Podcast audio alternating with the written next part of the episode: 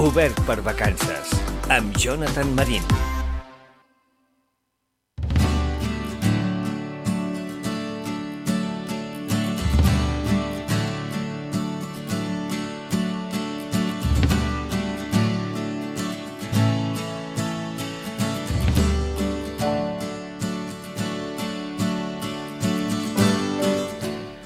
Continuem a l'Obert per Vacances, el programa dels matins d'estiu a les ràdios locals de la xarxa. Pareu bé l'oïda, el que escoltarem ara, perquè segur que us cridarà l'atenció. És la història d'una exhibició de persones procedents de l'Àfrica, mostrades en un campament al centre de la ciutat com si es tractés d'una espècie exòtica. Us cridarà l'atenció especialment perquè va passar aquí al nostre país, a la ciutat de Barcelona, i perquè en el fons no fa pas tant de temps que va succeir, amb prou feines, un segle i mig. Això, en termes històrics, és com si diguéssim quatre dies. Escolteu la història que ens porta aquest dimecres el David Martínez.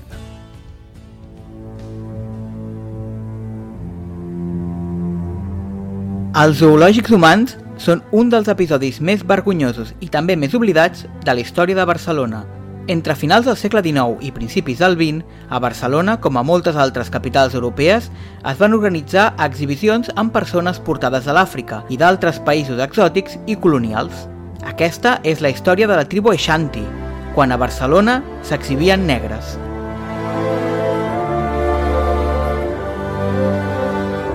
Memòries, vestigis i curiositats de la ciutat per David Martínez. Històries de Barcelona.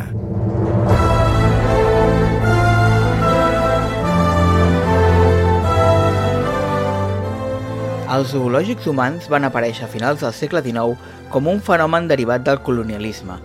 Empresaris aprofitats i negrers s'enduien famílies senceres de les colònies i les anaven exhibint en espectacles itinerants a les grans ciutats europees. Les tribus eren tractades com si fossin animals exòtics exhibits en un zoològic. S'exposaven en recintes tancats i ambientats per recrear el que suposadament era el seu hàbitat natural. D'aquesta manera, els ciutadans europeus podien contemplar els pobles colonitzats en estat salvatge, tal com s'anunciava a l'època.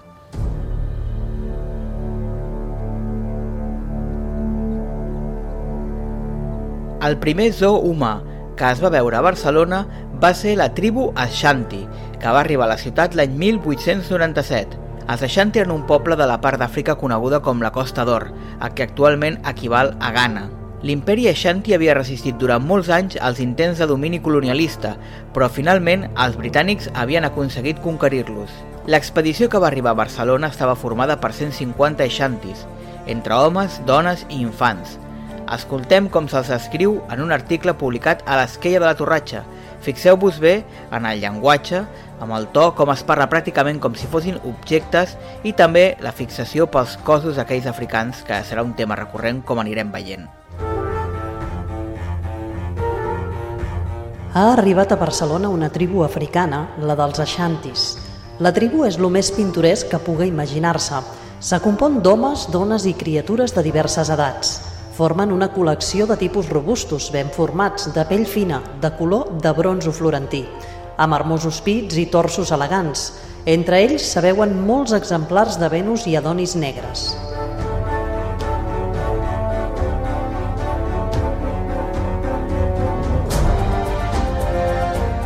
La comitiva Xanti va arribar al port de Barcelona el 22 de juliol de 1897. Van arribar en vaixell procedents de Lió, França.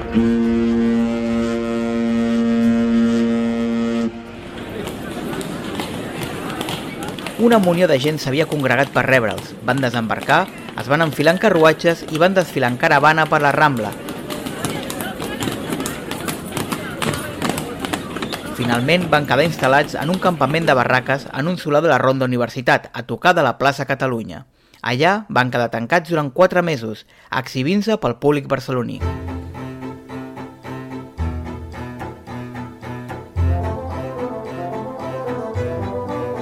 L'entrada per visitar el poblat Aixanti costava una passeta, un preu que no estava a l'abast de totes les butxaques. L'entrada permetia als barcelonins més curiosos observar com aquells personatges tan exòtics feien la seva vida quotidiana, ja fos cuinant o treballant. Hi havia teixidors, hi havia ferrers que feien fletxes, i hi havia artesans que confeccionaven anells i penjolls que després es venien com a souvenirs. Però, sens dubte, el plat fort de l'exhibició eren els espectacles de música i dansa. Però aquells rituals i costums tampoc eren de grat de tothom. Escoltem el fragment d'una carta que un veí de la zona va enviar a la premsa.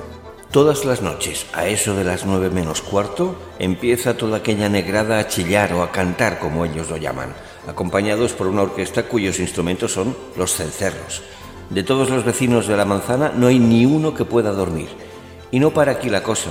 Todos los vecinos percibimos unos olores asquerosos procedentes de las cocinas improvisadas al aire libre de los negros achantis.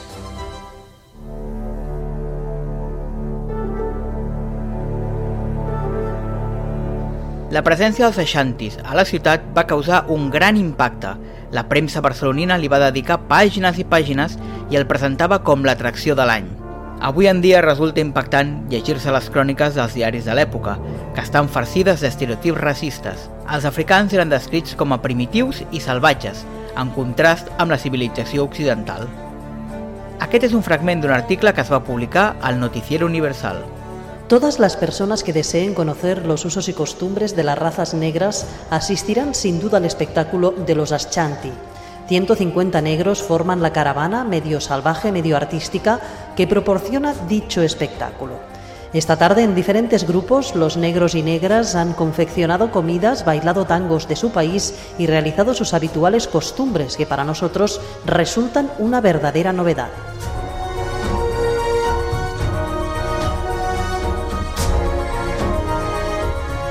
Un altre fet que va impactar a la societat barcelonina del moment va ser la poca roba dels africans, que xocava amb la moral conservadora de l'època. A Barcelona mai s'havien vist homes i dones amb el tors nu enmig d'un espai públic, però aquesta nuesa al final es va acabar convertint en un reclam que atreia al públic curiós a visitar l'exhibició. Així ho explicava el diari El Diluvio. La exposición negra es el suceso del que más se habla estos días en Barcelona. Las chicas casaderas suelen quedarse extasiadas ante los robustos y desnudos cuerpos de los simpáticos salvajes, mientras los chicos civilizados rodean a las negritas de la colección, dirigiendo las miradas del deseo a ciertas prominencias mal tapadas. Els Aixanti van arribar tan que van arribar a actuar amb tota mena d'actes i festivals benèfics. Fins i tot van participar a la cercavila de les festes de la Mercè d'aquell any, de 1897, amb una exhibició folclòrica on van desfilar barrejats entre gegants, capgrossos i fins i tot castellers. Al mes de novembre de 1897, els Aixantis van aixecar el campament i van marxar de Barcelona. Però lluny de ser el final, aquest només va ser el principi – durant els anys següents, la ciutat va continuar rebent, de forma periòdica, la visita d'altres espectacles colonialistes, esquimals, la tribu maometana, els nans bengalís, una pràctica denigrant que va durar ben bé fins a l'exposició internacional de 1929.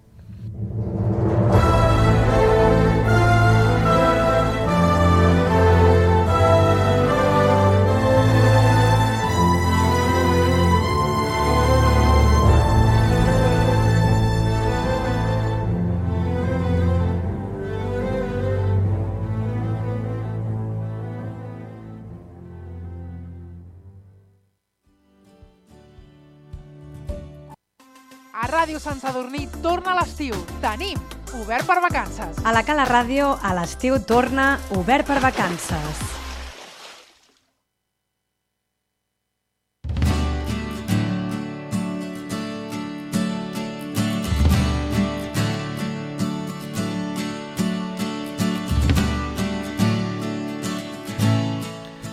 Avui visitem els carrers de Cardedeu. Cardedeu té un ric patrimoni modernista, fires i festes molt conegudes i concorregudes, productes típics com el borrego, equipaments culturals de referència, el Museu d'Arxiu Tomàs Balbe i el Teatre Auditori Cardedeu i el Cinema Esbarjo, i un entorn també natural privilegiat. A més, està molt propera a centres d'interès com el Parc del Montseny. Avui descobrirem Cardedeu d'una manera més divertida, i és que el museu proposa una aventura de descoberta a partir de dos jocs de pistes pels carrers i entorns naturals del municipi per jugar-hi sol, amb amics o amb família. Saludem a la Marta Núñez, tècnica del Museu d'Arxiu Tomàs Balvei. Bon dia, Marta. Hola, molt bon dia. I també el nostre company de Ràdio Cardedeu, Òscar Muñoz. Molt bon dia, Òscar. Molt bon dia.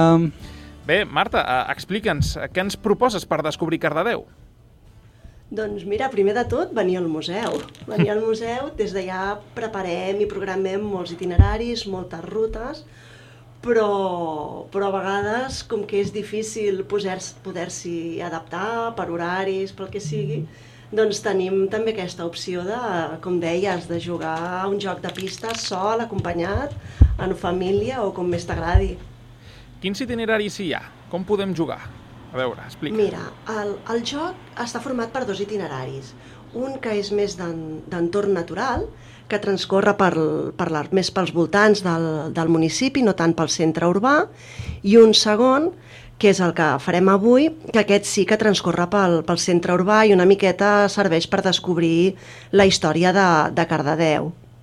I què podem anar veient en aquest itinerari ah, del centre? Mira, tot el que serien... O sigui, a partir de, de diferents elements patrimonials, d'edificis, de places, de testimonis que ens ha anat deixant la història, doncs es proposen diferents reptes. Val? El, és una aplicació mòbil on, on tu vas passant reptes i a mesura que vas passant aquests reptes pots anar avançant.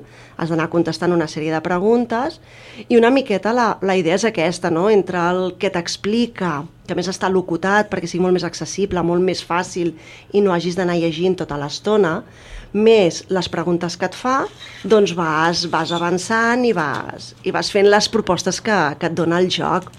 Les preguntes suposo que no seran molt complicades, no? O sigui, són fàcils. No, no, són, no són complicades, es poden fer perfectament, són per tots els públics.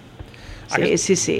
Aquesta activitat El que algunes costen sí. una mica, eh? També t'ho de sí? N'hi ha alguna que fem rumiar una miqueta o Bueno, això també està bé, per perquè si són Clar. molt fàcils també una miqueta perd una miqueta de gràcia.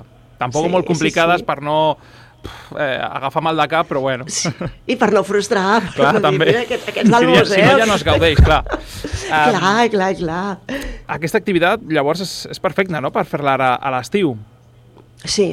A més, és una activitat que, a part de que l'estiu està molt bé, a més participen amb, amb l'activitat diferents espais de, de Cardedeu, la Guingueta, on t'ofereixen un refresc quan acabes, aquesta amb la, amb la que es fa per l'entorn natural, o l'antic casino si vas a dinar, o la cerveseria Sant Jordi. Llavors, clar, tot això, vulguis que no, a l'estiu, amb la calor que està fent, són petites aturades en el camí o al final del recorregut que s'agraeixen. Uh mhm. -huh. I a més a més, si, si se't fa llarga, la pots, la pots fer en diferents dies. Ah, no és una activitat bé. que l'hagis de començar avui i l'hagis d'acabar avui. La, un cop la tens descarregada en el mòbil i vas fent, vas fent els progressos, tu vas, vas adaptant-te una miqueta al teu ritme. Uh -huh. Uh -huh. Perquè més o menys quin càlcul heu fet de, de temps que podem trigar en fer aquesta, aquest itinerari? Mm.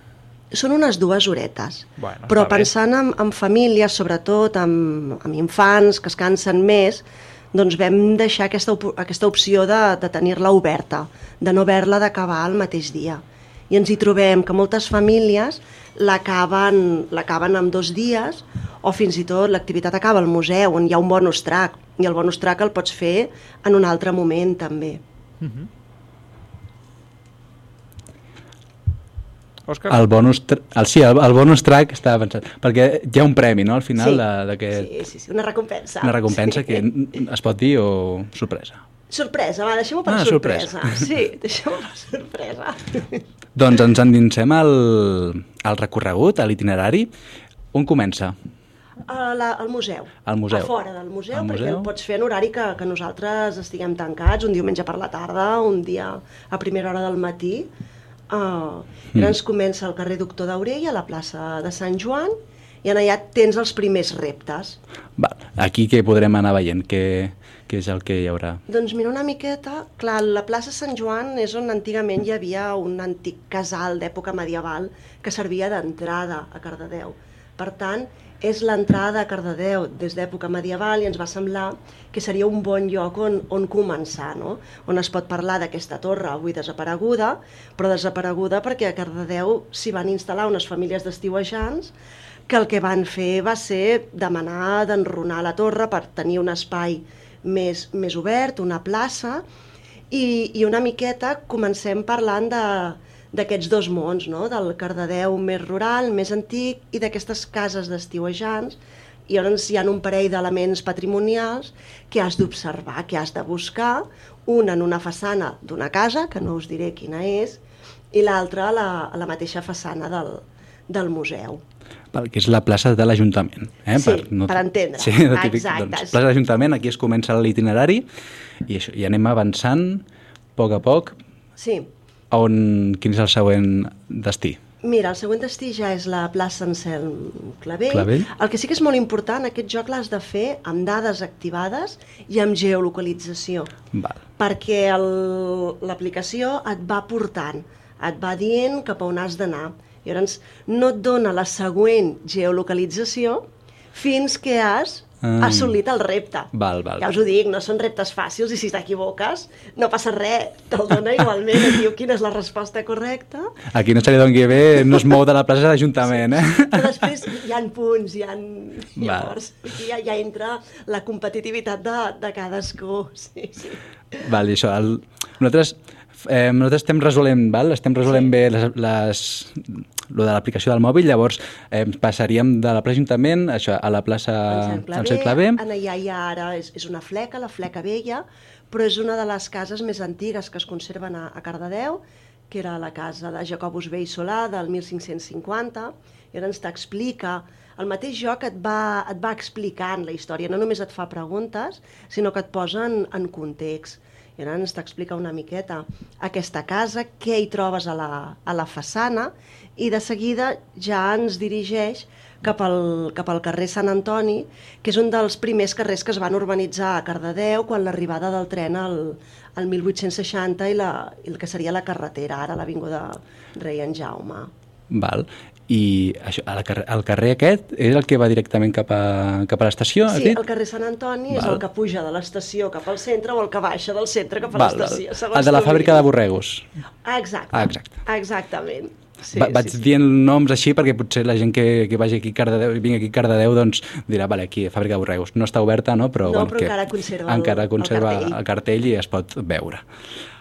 Molt bé, doncs eh, recorregut aquest, seguim. Ara tornem a pujar o no, seguim baixant? és circular. Ah, val. O sigui, la ruta és circular. Val. D'aquí ja te'n vas cap a, cap a la plaça Marc Viader, uh -huh. uh, cap a la cerveseria Sant Jordi, que és un antic magatzem de gra fet per l'arquitecte modernista i noucentista Manel Joaquim Raspai. Llavors, aquí, si assoleixes el repte, aquí, tens un premi. Tenim beguda, no? Aquí? Tenim beguda, vale, exacte. Això per l'estiu va bé. I sí. més de la cerveseria Sant Jordi, que doncs, això té les seves cerveses artesanes i amb molts premis, no? com la cervesa carbonera, per exemple, que té, doncs això, és una cervesa molt bona. Eh, val, cerveseria Sant Jordi, Seguim. Allà també fan concerts a vegades, o sigui, potser sí. podríem coincidir amb algun concert Segons vermut, que la no? facis, exacte. Sí, jo crec que això també està bé mirar-s'ho abans, Sí, no? I ja anar... Ostres, és un bon lloc on aturar-te. Ah, i mira, exacte, sí, I sí. demà passat segueixo. I aquí faig la primera pausa. Val. De cerveseria Sant Jordi, on anem ara? Ens n'aniríem cap a la cap a la plaça de Can Serra, Val? que allà hi ha una antiga masia, ara és una escola bressol, però fixa-t'hi, anem tocant diferents, diferents èpoques a partir de diferents edificis. Uh -huh. Passarem per una masia, que és el Mas Batlle Torrent, que és del segle XVII, Can Serra, que és del segle XVIII, i llavors una mica vas descobrint tots aquests elements i moltes vegades el, el que dèiem abans, no? contraposats, tens l'estiueig, però també tens el, el Cardedeu rural d'antigues masies que, que antigament estaven disseminades, que estaven fora del poble, però que han in, quedat integrades en el, en el poble. I és justament on hi ha algunes d'aquestes cases d'estiueig, no? perquè era la zona mm. encara poc urbanitzada. I d'aquí anem a l'Alqueria, que és la primera casa que Manel Joaquim Raspai va fer on la pregunta és una mica difícil. Ah, val, aquesta seria la pregunta més difícil. Sí, eh, què ens pots explicar sí. d'aquesta casa?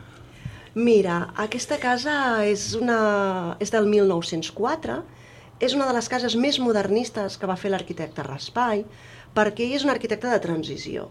És de segona generació d'arquitectes modernistes, per tant, ja no, no és tan pur amb les formes com ho serien els seus predecessors, i s'acosta molt més a un estil noucentista, un estil molt més mediterrani, molt més acotat i molt més classicista. Llavors, pel fet de que aquesta fos una de les primeres cases, sí que seria de les més, de les més modernistes, és la típica torre d'estiueig, amb una torre, una torre que servia per tenir bona visió del poble, però també com a dipòsit d'aigua, tenia una, una funció molt clara. Llavors, eh, envoltada de jardí, antigament era una horta, ara hi ha una part que s'ha urbanitzat, però encara s'hi pot veure tota aquesta zona de, de jardinament al voltant de la, de la torre d'estiueig. Estem parlant molt d'estiueig. Sí. Això que Cardedeu abans era un, bueno, més que ara suposo, no? un, un destí de, sí. de la gent de Barcelona, no? que pujava cap aquí. Sí, a partir del 1900, sobretot. Finals uh -huh. del 1800, principis del 1900, Cardedeu havia sigut sempre un poble eminentment agrícola. Hi havia algun, una miqueta de ramaderia, també, però sobretot havia dedicat la seva economia a l'agricultura la, i d'aquí que es conservin moltes cases de pagès. De fet, una de les de les rutes que més, que més èxit té de les que organitzem del museu són les de cases de pagès, en tenim dues, una pel centre del poble i una de cases de pagès que estan més disseminades, més pel voltant, i és de les que, de les que agraden, agraden més. Llavors, clar, què van trobar a finals del 1800? Que era un poble que tenia aquesta essència encara mm. rural, que era prou proper a Barcelona, arribava al tren i, a més a més, la proximitat amb el Montseny li donava una climatologia ideal per anar a fer salut. I estem en el moment de l'higienisme, que està de moda anar a fer salut. Anar a prendre les aigües, anar a prendre els aires. Aquí a Cardedeu no tenim aigües, ni aigües picants, ni aigües um, sulfur, sulfurades, em sembla que es diuen, sí. etc. Però tenim un aire que semblava ser que era molt beneficiós per, per als pulmons. Llavors, molta burgesia barcelonina i van instal·lar la seva casa per l'estiueig. Molt bé. Ara de, de la casa, de la primera casa eh, del Raspall, eh, on anem? a la Torre Amat, a la Casa Amat. Val. Era una casa que va fer construir Joan Amat Sornami, que va ser alcalde de Barcelona l'any 1901. Ja no és una casa modernista, és una casa posterior del 1914, molt classicista, uh mhm. -huh. però molt interessant. I llavors es veu, es veu una miqueta l'edifici, s'ha de buscar una pista molt concreta, que aquí has de tenir els ulls ben, ben atents i d'allà seguirem cap a, cap a l'antic casino, perquè aquests estiuejants tenien un antic casino on s'hi trobaven, on feien les, les festes, celebracions, els balls, etc. I allà també tenim parada, no? També tenim parada. Tenim parada. Si et coincideix amb l'hora de dinar, doncs ja... Doncs tens si el, el cafè, has... la infusió... El que... T'has programat bé, doncs estaríem aquí a l'hora de dinar a l'antic casino. I, I anem cap endavant. I seguim, i ara ja anem a conèixer el Cardedeu industrial. És el que et deia, anem tocant totes les tecles. A les tèxtils, no? A la tèxtil ras, eh? Molt bé. Exacte. I llavors allà és veure quina peculiaritat, una peculiaritat molt concreta que té la tèxtil rase i és poc habitual. Val. Llavors has de buscar-la i endevinar-la. Estem acabant ja? O sigui, acabem amb el Cardedeu més industrial sí. i acabaríem al poble, no? Sí, d'aquí ja anem, ja tornem a entrar al poble, pels uh mhm. -huh. carrers més antics, pel carrer del Padró, el carrer de l'Hospital, i ara el carrer Tres Oller, que antigament era el carrer Major, el carrer principal, per anar a parar darrere de l'església amb la capella de Sant Corneli i a l'església. Molt bé. Doncs això, per acabar, eh, algunes recomanacions per jugar aquest joc? Mira, baixar-te... Perquè tu, tu has jugat, entenc, sí, sí, no? Sí. Baixar-te l'aplicació a casa. A casa. Ja tenir l'aplicació baixada, al mòbil... I registrar-se també, perquè sí. potser...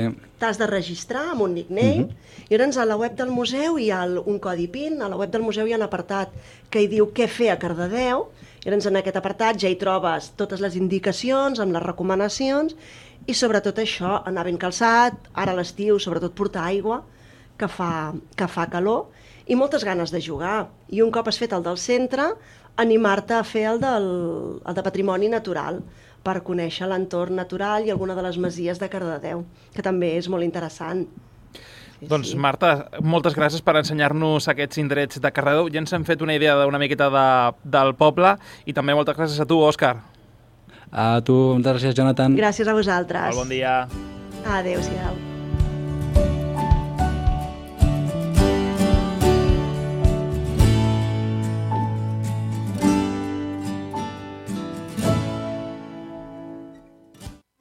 Ràdio Sant Sadurní torna a l'estiu. Tenim Obert per Vacances. A la Cala Ràdio, a l'estiu torna Obert per Vacances.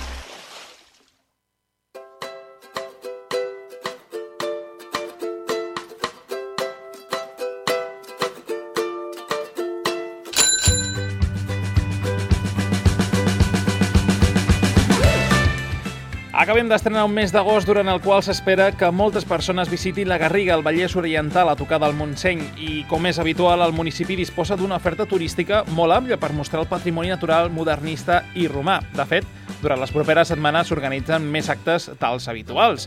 Per conèixer amb detalls les activitats programades per aquest agost anem fins al centre de visitants de la Garriga, que és la porta d'entrada al poble. També un petit espai museogràfic i una botiga d'objectes i publicacions sobre la història i el patrimoni del municipi. Allà hi tenim a una de les coordinadores del centre, la Verònica Carmona, i el nostre company de Radio Silenci, l'Eduard Mas. Bon dia, Eduard. Sou dins d'un edifici amb història, oi? Construït als anys 30 del segle XX durant la Segona República per l'arquitecte Manuel Joaquim Raspall, que és el responsable precisament de grans edificis modernistes de la Garriga. Bon dia, Jonathan. Exacte, el centre de visitants del municipi, que és el punt d'informació turística de la Garriga i del Parc Natural del Montseny, ocupa des del 2011 aquest safareig on hi venien i les dones a rentar roba amb aigua termal. Uh, Vera Carmona, molt bon dia. Hola, bon dia.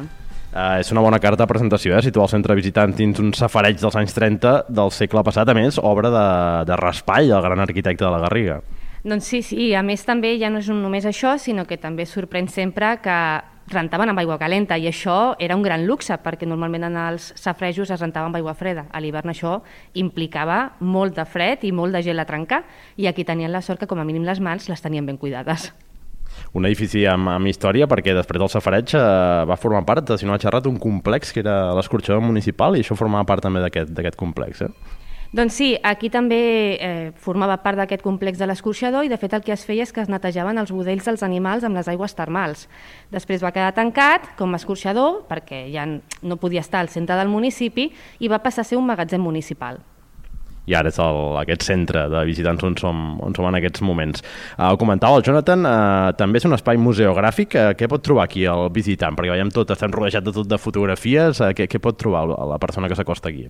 Doncs és una mica una aproximació, un petit tastet de tota la història de la Garriga. De fet, comencem en els seus inicis en època romana i anem avançant en la seva història fins ben bé la Guerra Civil, en la qual doncs, es veu una mica com aquest modernisme, com aquest estiueig queda totalment entroncat per aquest conflicte. Hi han també uh, vídeos, eh, si no vaig errat, que poden veure els visitants? Sí, exacte, perquè si venen i volen fer una miqueta la volteta i després anar a conèixer el municipi, però tenen interès especial en introduir-se en algun tema, tenim un vídeo dedicat a tot el que és la zona de Cantarrés, que és la zona d'entrada al municipi, que va ser on estava aquestes restes romanes i després es va començar a gestar, de fet, aquí al municipi, no al centre, com podríem pensar que podria passar, també tenim un petit vídeo que parla sobre el termalisme que hi ha a la Garriga quan comença i quan es descobreixen aquestes aigües i a més a més també un sobre el modernisme i en especial de Manel Joaquim Raspall. I abans de repassar les activitats que heu preparat per a la gent que ens visiti aquest agost, eh, quin tipus de persones s'apropen a la Garriga? Eh, famílies, eh, sobretot a turisme intern eh, d'altres punts del país, de comarques properes? Doncs de fet hem tingut un canvi eh, aquest any, a partir després de, doncs, que ja les limitacions de viatjar ja estan més obertes, i ara el que comencem a tenir sobretot és un públic que ens ve de Barcelona, però també de la resta de Catalunya. Ja no és tant de comarca, que això ho vam recuperar l'any passat, que fins ara realment de comarca teníem poquet públic, i ara sobretot el que tenim és aquest tipus de visitants que a més a més estan aproximadament entre dos, tres, quatre dies en aquí, molts en família, i comencem també ja a rebre el públic estranger que durant dos anys l'havien perdut. Per tant, ha canviant, perquè fa uns anys ho parlàvem, eh? són visites d'un dia, passar la jornada, ara comentes que aquí en balnearis on dormir, també hi ha algun hotel, eh, es queden aquí més d'un dia. Sí, normalment com a mínim hi ha molta gent que comença a passar una nit en aquí. Uh, després, de vegades, el que fan és que venen a Barcelona, estan hostatjats en allà i el que fan és que van fent doncs, aquestes petites sortides que la proximitat amb Barcelona, més el tren, doncs, afavoreix que puguin venir i passen aquí doncs, tot el dia. Uh, L'entrada al poble es va estrenar fa, fa uns anys, no, no fa pas massa, és un aparcament d'autocaravanes. Això també porta visitants, uh, com a mínim per informar-se, de dir, mira, hem deixat l'autocaravana que també està a l'entrada al municipi i ens apropem a veure què es pot visitar al municipi? De fet, de les autocaravanes realment nosaltres rebem poc públic. Eh, sí que ens venen alguns, però la gran majoria venen, fan l'estada allà i sobretot el que fan són senderisme, visites naturals i llavors doncs, el que opten per anar fent una miqueta la seva i suposem que bueno, consultant també moltes vegades la pàgina web. I turisme de bicicleta, perquè aquí al costat eh, s'ha estrenat una zona pensada especialment pels ciclistes. Eh, estem tenint cada vegada més turisme de gent que ve amb la bicicleta? Sí, cada cop tenim més turisme i a més en aquest cas també seria un turisme més familiar, que venen amb les bicicletes, busquen recorreguts una miqueta senzills i, i realment comença a tenir una gran pujada la bicicleta. Uh, I per la gent que ve de fora, hi ha l'opció de tenir una audioguia, d'anar escoltant alguna ruta en anglès o en francès? Sí, de fet a l'aplicació Easy Travel, que és una aplicació gratuïta, en tenim penjades sis rutes diferents i en aquí les podeu trobar en català, castellà i francès i esperem que properament també sigui en anglès. I el fet de tenir-les en francès en comptes en anglès és que fins abans de la pandèmia, diguéssim, sobretot el públic estranger que rebíem era de, la part de França. Per la pandèmia, evidentment, eh, va venir menys gent, tot i que l'any passat ja, ja es va recuperar. No sé si teniu eh, previst alguna xifra o de visitants eh, de cara a aquest, a aquest estiu que s'assembli a la del 2019? De fet, ara mateix estem amb xifres del 2019 i esperem eh, assolir pues, un màxim millor que el del 2019. Estem molt contentes perquè realment en qüestió de dos anys gairebé hem recuperat aquestes xifres i això no és fàcil. Va, repassem aquestes activitats eh, previstes durant el mes eh, d'agost perquè el juliol vau estrenar, per exemple, Tastets Romans, eh, una, una mena de sopar, a sopar, visites astronòmiques. Eh, va funcionar totes aquestes novetats del juliol? Doncs la veritat és que sí, moltíssim. I sobretot l'astronòmica va ser un boom en el qual realment podríem haver acabat fent fins i tot tres grups, eh, però clar, les hores que es feien no es podien solapar més grups i tenim intenció de repetir alguna coseta així també de cara a la tardor, perquè van funcionar molt i molt bé, la veritat. Per tant, recuperarem eh, aquests tastets eh, romans i aquestes visites gastronòmiques. Eh? Sí, de moment ho tenim en ment, a, a veure si pot ser de, de recuperar en algun moment i potser per les hores eh, no podrà ser tant al vespre, sinó que les farem més cap al matí, perquè clar, ja anem cap a una zona horària ja una mica més complicada. Aquest agost, eh, les activitats es concentren eh, sobretot els dissabtes? Sí, eh, per l'agost el que hem fet és concentrar-les als dissabtes i el que fem és agafar les dues activitats estrella que, que hi ha, o les que més demanda tenen, que seran el modernisme de la burgesia i les visites al refugi antiaeri de l'estació. Perquè, de fet, quan ens venen, sobretot pel que pregunten, és per això, per tant, hem intentat eh, poder donar resposta en aquestes necessitats i les anirem combinant un cap de setmana un, un cap de setmana l'altre, els dissabtes a les 7 de la tarda. Però, bueno, com que també pensem que hi ha la possibilitat de fer aquestes audioguies que ja et mostren gran part també del patrimoni i si no, doncs sempre es pot contractar una visita concertada si vens un grup o si tens algú que viu a la Garriga i té famílies que li ve de fora, doncs també es poden contactar aquesta, concertar aquestes visites a trucant-nos, posant-se en contacte amb nosaltres i llavors doncs, a, arriben a, a veure si es poden fer per disponibilitat. Expliquem una mica aquesta, és una de les visites estrella, eh? aquesta itinerari guiat al modernisme de la burgesia, en què consisteix o què es pot veure en aquesta, aquesta ruta? En aquesta ruta el que veiem és Uh, molt més que el modernisme, o sigui, no ens posem a fer classes magistrals del modernisme perquè pensem que això ja ho podem veure, ho podem comprar llibres, sinó que el que intentem explicar a partir d'aquest modernisme de la burgesia és com ha canviat la Garriga, com va canviar a partir de l'arribada d'aquesta burgesia. És a dir, a partir de que arriba, la Garriga, que era un poble agrícola, s'ha de transformar acceleradament, comença a perdre tot el camp per poder donar cabuda a tota aquesta nova gent que arriba amb aquestes noves necessitats, què implica això per la població, i de fet com canvia tota la fesomia urbanística que hi ha a la Garriga. A partir d'aquí doncs, veure també aquestes obres, com vivien aquestes persones i què hi ha de cert i què no en la vida social que portaven en el modernisme en aquest moment. Totes visiten des de, des de fora, perquè n'hi ha moltes que són privades o es pot també entrar en algun d'aquests edificis? Normalment totes les hem de visitar des de fora perquè totes són privades excepte de Can Raspall, que és un edifici municipal, però intentem com a mínim entrar ni que sigui a un jardí d'alguna de les cases privades. La gran majoria sempre els hi agradaria entrar al que seria algun dels espais de la, de, de la Illa Raspall, però malauradament aquestes són les que més costen i només s'obren en moments puntuals. Però les altres tampoc et deixen indiferent. Aquí tenim una gran casa modernista que és Can Barbell, tancada des de fa anys i en venda, eh? La va visitar la Rosalí, de fet, fa, fa un temps, però em sembla que ha acabat comprant una casa a Manresa, un greu error perquè Can Barbell és, és, és molt maco. Uh, L'altra visita és el refugi antiaeri, uh, és un refugi antiaeri important, eh? Uh, arranjat no fa pas massa anys. És un, un refugi molt important. De fet, quan comencem a fer l'explicació sempre diem que és un edifici ple d'història i un refugi ple d'història, perquè realment es va utilitzar. És a dir, durant tota la Guerra Civil es construeixen un munt de refugis per la població, però hi ha alguns que es construeixen per prevenció i més són ocupats. En aquest cas, eh, guarda eh, custòdia, diguéssim, encara les històries de moltes persones que el van haver d'utilitzar i que gràcies a ell van salvar la vida. I és una manera de fer un recorregut o una passada en el temps, anar a fer un viatge de sis mesos i veure doncs, des del seu inici de la construcció fins al final, quan entren ja les tropes nacionals, i explicar la guerra des d'aquest punt de vista també del paper fonamental que va tenir la Garriga durant tota la Guerra Civil. I el que comentaves, eh? no tot han de ser visites programades, tot i que també es pot trucar per concertar-ne alguna, sinó que la gent es pot apropar aquí al centre visitants durant tot el mes d'agost eh, i vosaltres els doneu opcions, eh? rutes, de què voleu fer, què podeu fer... Sí, nosaltres estem oberts de dimecres a diumenge de 10 a 2, dissabte de 4 a 7, i en aquest horari la gent pot venir, els informen de totes les activitats que poden tenir en el municipi, de totes les rutes que poden fer, no només patrimonials, sinó que també naturals, perquè tenim també eh, diversos senders que realment agraden molt a la gent quan ve a fer-los i també estan a l'aplicació Wikilog, que a més els poden descarregar gratuïtament tots els tracks perquè estan al compte de l'Ajuntament, amb la qual cosa nosaltres, segons els interessos, els anem guiant una mica per veure què poden fer en aquest municipi. Doncs Vero Carmona, una de les eh, coordinadores dels serveis del Centre Visitants de la Garriga, moltes gràcies per acompanyar-nos aquest matí i explicar-nos les opcions que tenen els visitants que s'apropen al nostre municipi. Moltes gràcies a vosaltres, que vagi molt bé.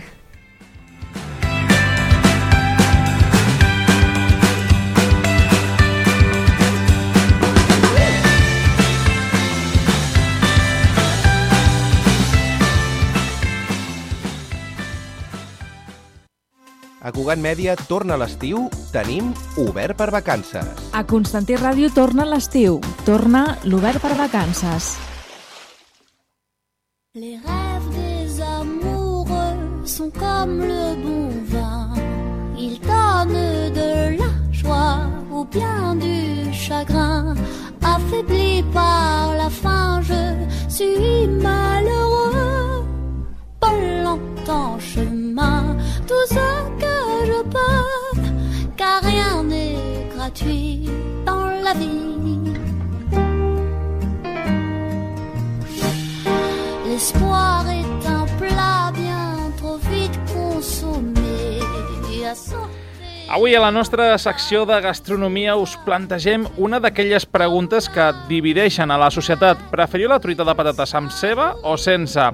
Avui en parlem amb la Teresa Deulofeu, qui porta mitja vida darrere dels fogons i que actualment és cuinera a La Moca, un bar-restaurant que ha obert recentment a la Rambla de Badalona, on elaboren una cuina senzilla, però que ens deixa un bon regust de boca. Teresa, bon dia. Hola, bon dia. Saludem també al nostre company Àlex Sissó, que doncs, t'acompanya als estudis de Radio Ciutat de, de Badalona. Bon dia, Àlex, de nou. M molt bon dia de nou, bon dia, Teresa. Bon dia. Amb ganes aquí de parlar bon de truita. Bon dia a tothom, sempre. Jo us he de dir, ja us avanço, ho comentava abans, jo soc de la truita de patata sense ceba, perquè tinc la meva teoria una truita porta ous, una truita de patates porta ous i patates, i per tant la ceba és un afegit. Però aquesta és la meva opinió. No sé vosaltres eh, Ui, si sou de ceba ja... o sense. Amb ceba tota jo la vida. Jo també, amb ceba. Ho sabia, ho sabia. jo, quan més ingredients, millor. Vaja. De seguida en parlem amb més detalls sobre com preparar una bona truita, però abans recordem als nostres oients que podeu participar en directe en aquesta secció explicant-nos també eh, com preferiu la truita. Obrim línies telefòniques, per tant, a partir d'ara podeu trucar al 93 478 4341 o bé enviar una nota de veu per WhatsApp al 676 943099. Entre totes les trucades i notes de veu rebudes, sortejarem dues ampolles de Signus al Vireo del celler 1 més 1, guanyador del Gran Binari d'Or al millor escumós blanc jove als Premis Binari. Bé, doncs, Teresa, explica'ns, com prepares tu una bona truita? Quines passes hem de seguir? Quins trucs utilitzes? Aviam, d'entrada jo sóc partidària de sempre ceba, és la reina de la cuina en molts platillos, aleshores la meva tècnica és allò, l'oli una mica calentó, tenir les patates preparades, la ceba talladeta, i anar-la fent a poc foc, que quedin les patates toves, la ceba també, i a partir d'aquí esperar el moment aquell fantàstic de batre els ous, no gaire, jo no els bato gaire, i mm, començar a fer la truita. Mm, normalment aprofito que ja la tinc al foc i tiro els ous directament. La remeno bé, allò a poc a poquet, a poc gas, i bueno, he anat tombant. Mm, a veure, a, això també va molt a gustos. Hi ha gent que li agrada la truita poc feta, l'altra la va molt feta. A, de cara a estar en un lloc que ve gent d'arreu, pues, a veure, la procuro fer al punt, vull dir que no vull dir que no surti l'ou, per dir-ho d'alguna manera, perquè hi ha gent que li fa molta angúnia. A mi no, a mi m'encanta.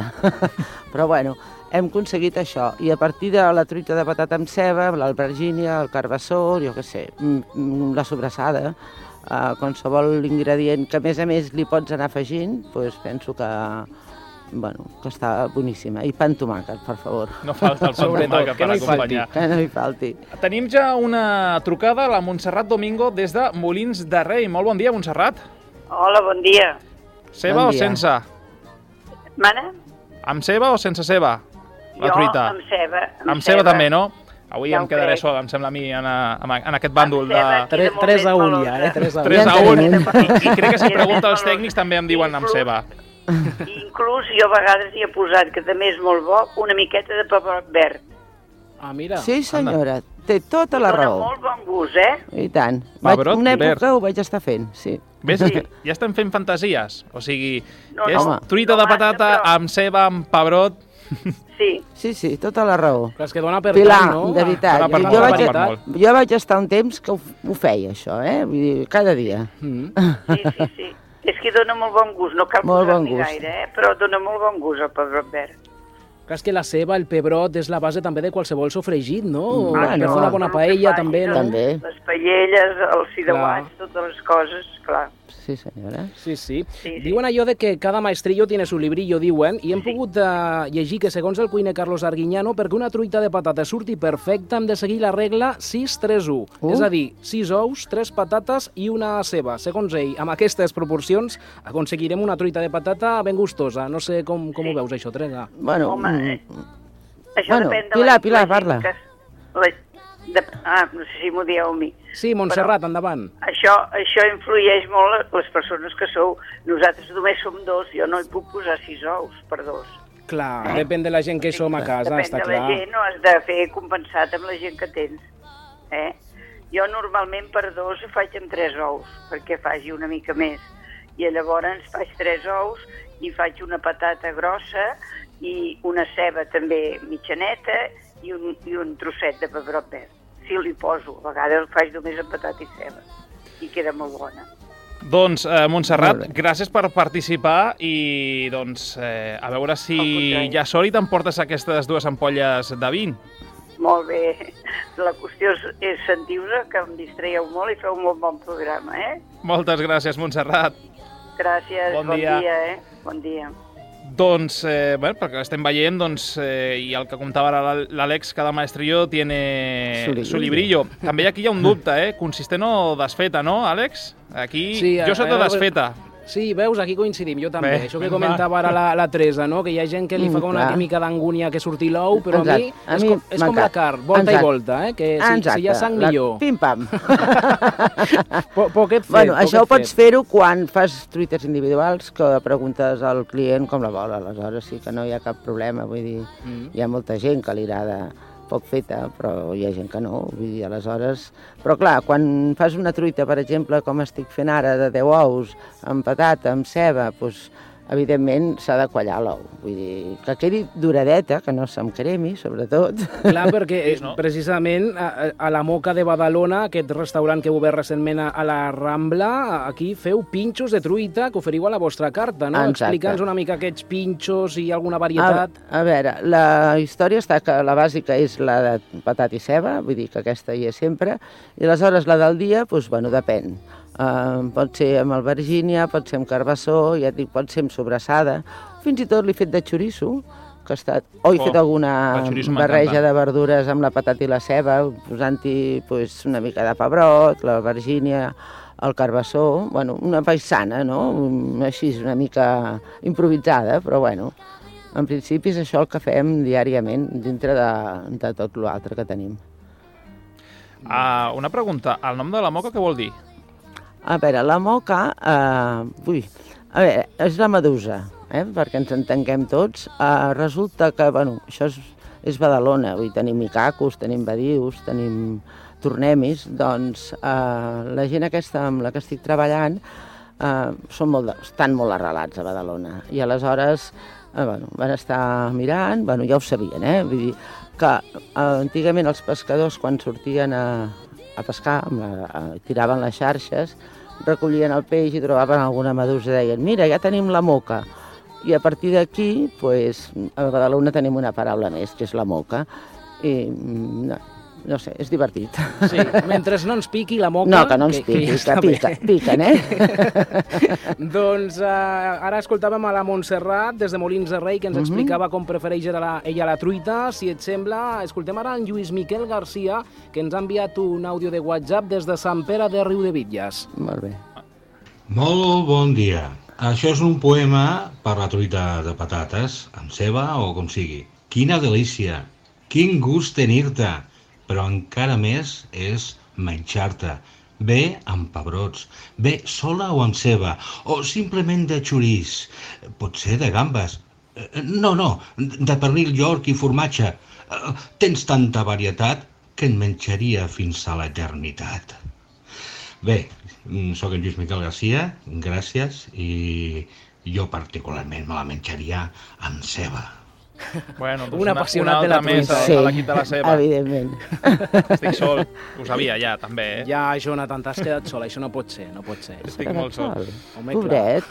Sí, bueno, no, no passa res. Podries venir, eh, també? Clar, i tant. Nosaltres et convidem igual a una truita. I tant, una truita. I... Quan vulguis a la moca. Sí, la sí. sense seva vaig. doncs, bueno. eh, eh, si et sembla bé, eh, anem a veure eh, la resolució del concurs de, del tema de Gazpacho. Acomiadem eh, a la, a la, a la Teresa, que ens ha acompanyat avui amb el tema de la truita, Àlex, i a veure qui s'emporta el premi. A veure, perquè la Teresa serà qui haurà de triar el número. És veritat, qui, sí, clar. Qui s'emporta qui sí, aquest premi. Ja l'esteu acomiadant i, i, i és la, la mà innocent. La mà doncs, innocent. Oh, sobretot. Anem, anem a conèixer el guanyador del sorteig dels Premi Binari de la setmana passada, que recordem-vos preguntàvem si preparàveu el gazpacho amb cogombra o sense. Jo sóc de cogombra aquí, eh? Vam rebre la trucada en directe de la PACA des de Lleida i la Remec, qui ens va deixar una nota de veu a través de WhatsApp. Així ens van explicar com preparen el gazpacho. Jo m'explico, mira, una mica d'all, un cogombre important, que a mi m'agrada molt, uh -huh. i a la gent no li agrada, jo a mi sí. Llavors, tomateta, jo no la pelo ni res, eh? I llavors, pebrot verd, i si de cas algun pebrot roig, uh -huh. un bon oli d'oliva, un bon raig de vinagre de xerès i hasta ahí unes gotetes d'aigua. I si t'agrada una mica més picant, pues una mica de tabasco també. Bon dia, sóc la Remé. Pues jo faig el gazpacho amb cogombra, perquè li dona una frescor que tal i com estan les temperatures, bé, molt bé, molt bé. Vinga, gràcies i que tingueu tots un bon estiu. Teresa, has de dir 1 o 2? Jo diria 1. Doncs eh, la PACA s'emporta aquestes dues d'ampolla eh, de Moscàndia, Rosat, vi, eh, Rosat Pinot Noir. Moltes gràcies, Àlex, Teresa, i Moltes gràcies a fins tu. la propera. Vinga, bon dia i bon estiu. Bon estiu. Adéu. Bon estiu. Adéu. Gràcies.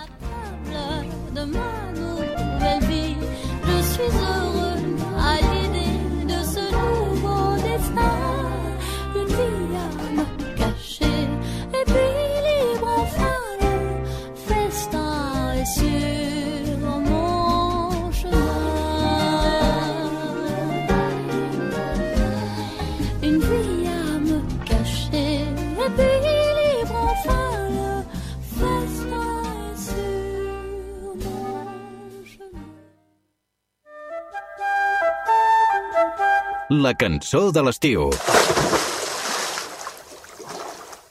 Hola, bon dia. Soc la Montse de Molins i votaria per la cançó de l'estiu Amics per sempre. Moltes gràcies i bon programa.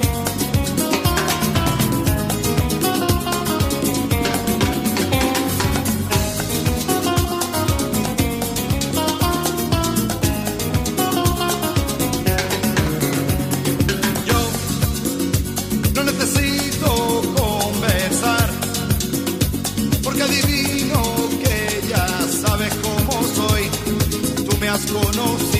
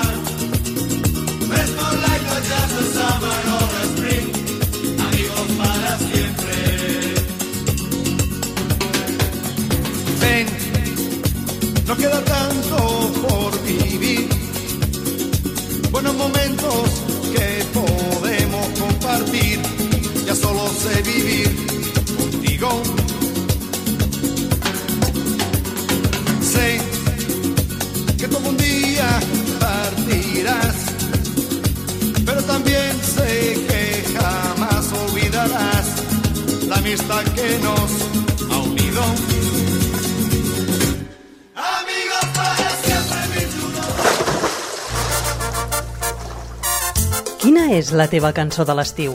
Explica'ns-ho en un missatge de veu per WhatsApp al número 628 841 055. 628 841 055. Envia'ns la teva nota de veu i podràs guanyar un val de compra de 60 euros als supermercats Bonpreu Esclat.